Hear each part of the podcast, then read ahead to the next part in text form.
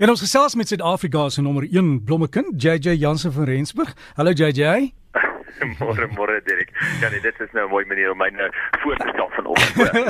ja, iemand het 'n SMS hier gestuur om te vra die renonkels, jy weet, dis mos daai wat die wat die vingertjies het, moet hulle afwys of opwys? Dis elke jaar se probleem, maar as jy daar staan en jy moet hom plant en jy twyfel, né?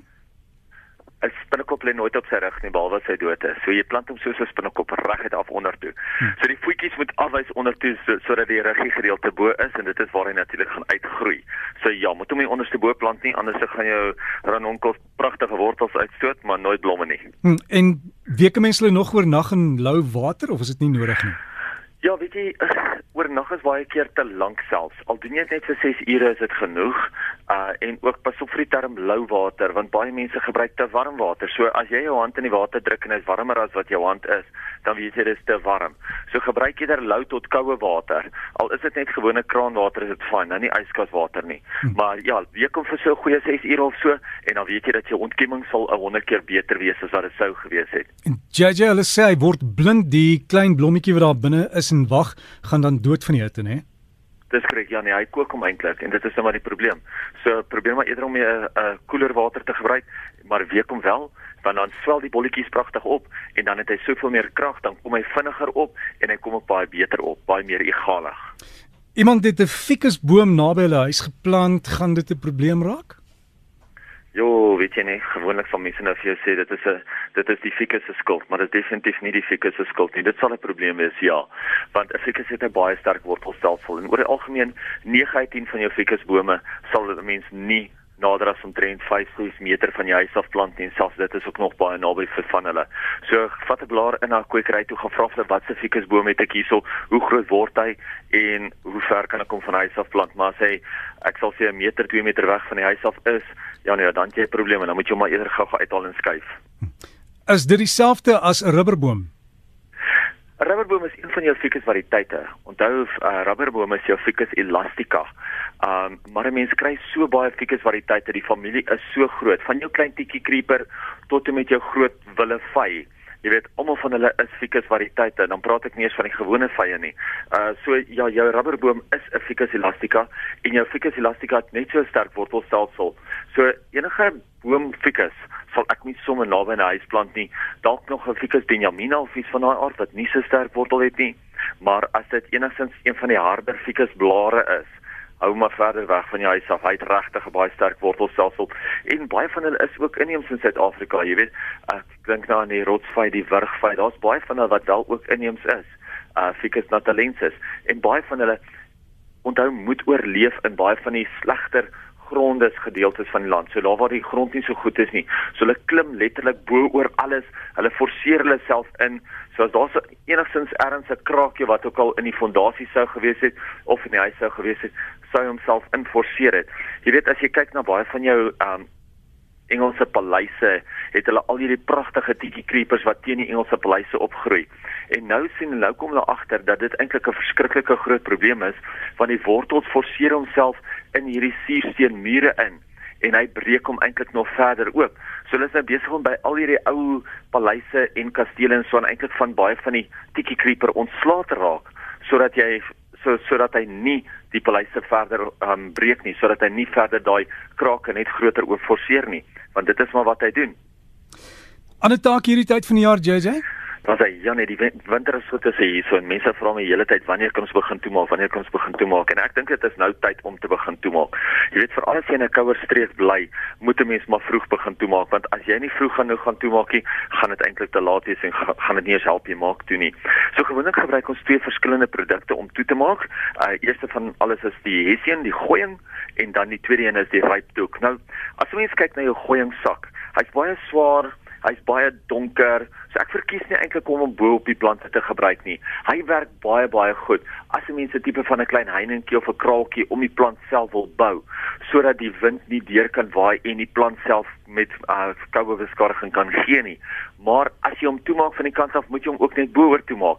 En dit is dan waar mense dan elke dag die dekseltjie gedeelte bo op net kan losmaak sodat jy hom nie elke dag toelos nie want anders gaan die blare binne-in gaan so pap word en so sag word dat die dag as jy hom gaan oopmaak, gaan jy hele plant in mekaar sak.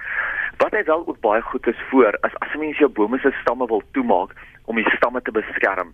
Baie mense plant nou jong boontjies of het jong boontjies geplant en jy wil hom met die eerste winter wil hom ekstra beskerm en nou is 'n goeie tyd wat jy dan daai hessien kan vat, die gooiingsak kan vat en jy kan die stamme self, jy draai hom sommer so om die stamme van die plante en dan weet jy jy beskerm jou plante so. Baie mense gebruik sommer net 'n gewone gras daarvoor, jy weet 'n veldgras sommer hierdie erigrastes of wat ook al wat hulle sny en dan pak hulle hom dik stukke om die om die stamme en dan maak hulle hom nou daarso vas maar as jy dit met gooiing wil doen, kan jy dit baie maklik met gooiing doen.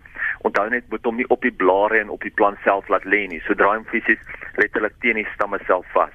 Die tweede is natuurlik die rypdoek. Ek verkies die rypdoek as 'n mens na gewone tuine kyk waar jy groter struike en so net wil toemaak. En rypdoek is baie lig. So mense kan hom bo op die plante laat lê. Jy het nie nodig om hom net weg te hou van die plante af nie. Natuurlik hoe meer hy op die blare self van die plante lê, hoe makliker kan die blare brand, maar as jy hom kan weghou van die plant af, net daai duim of twee duim net weg van die plant af, dan uh, werk hy op sy beste. As hy op die plante self hier en daar 'n bietjie lê, is dit nou nie 'n groot probleem nie.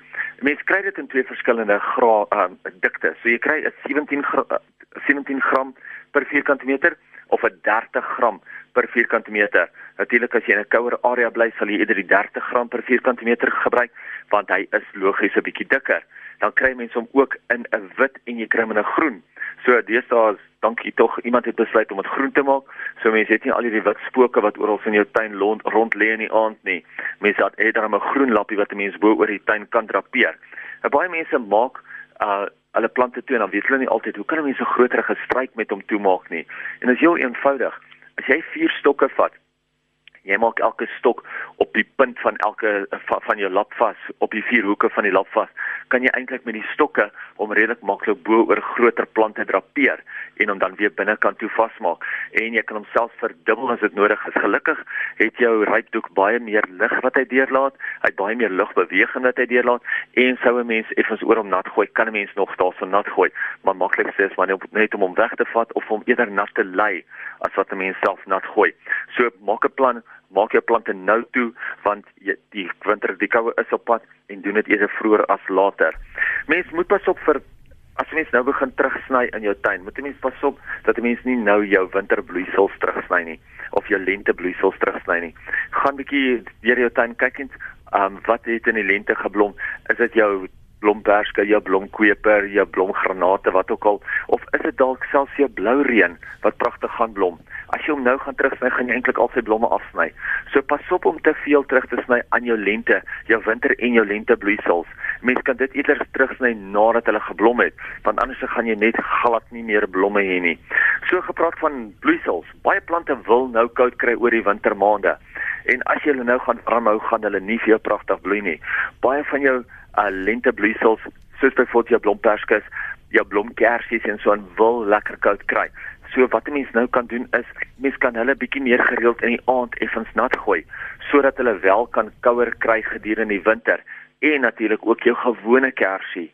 As jou gewone kersie nie ten minste 2, 3 weke se minus 0 on, um, onder vriespunt grade kry nie, gaan hy nie mooi dra nie. So maak seker dat jy nou vir al jou kersies wel in die aande effens begin nat maak om hulle lekker koud te laat kry. Daar's 'n rede hoekom kersiebome so goed uh, dra in Ficksburg omdat dit so verskriklik koud is in Ficksburg in die Vrystaat. So as jy wel daar's daar in 'n area bly waar dit dalk net net nie koud genoeg is vir 'n kersieboom nie, maar jy wil graag hê hy moet nog steeds vir jou pragtig bloei, gaan nou en gaan gooi hom in die aand nat. Mens gooi nie gewoonlik die res van die tuin in die aand nat nie, maar daai plante wat jy wil hê wat op hulle mooiste moet blom, wat daai koue nodig het, gegooi hulle nat, hmm. dan weet jy, hulle sal vir jou pragtig blom. JJ en ek sien die tyd haal ons in uh, ons gaan volgende week net miskien gesels oor hoe kan jy slange van huis af hou, wat kan jy plant en broodbome watter is rypbestand en watter nie. JJ alles van die beste, jy's weer by die skou, né? Dis ek Janie, ons maak hier die naweek klaar by die Randse Paas skou en was 'n ongelooflike lekker skou gewees. Baie besigger as vorige jare. So vir die van julle wat wonder, is dit die moeite werd om deur te kom? Ja, ek dink dit is wel hierdie jaar die moeite werd om deur te kom. Hmm. En die belangrikste is gaan groet net daar vir JJ. Jy sal sien hy is daar en wys vir mense en sê, "Hey JJ, ek het vir jou gehoor op RSG" en dan weet jy hoe lyk hy. Is altyd lekker om tuin te maak. Jy kan ook vir JJ e-pos is jy by Garden World gardenworld.co.za. Jy jy by gardenworld.co.za.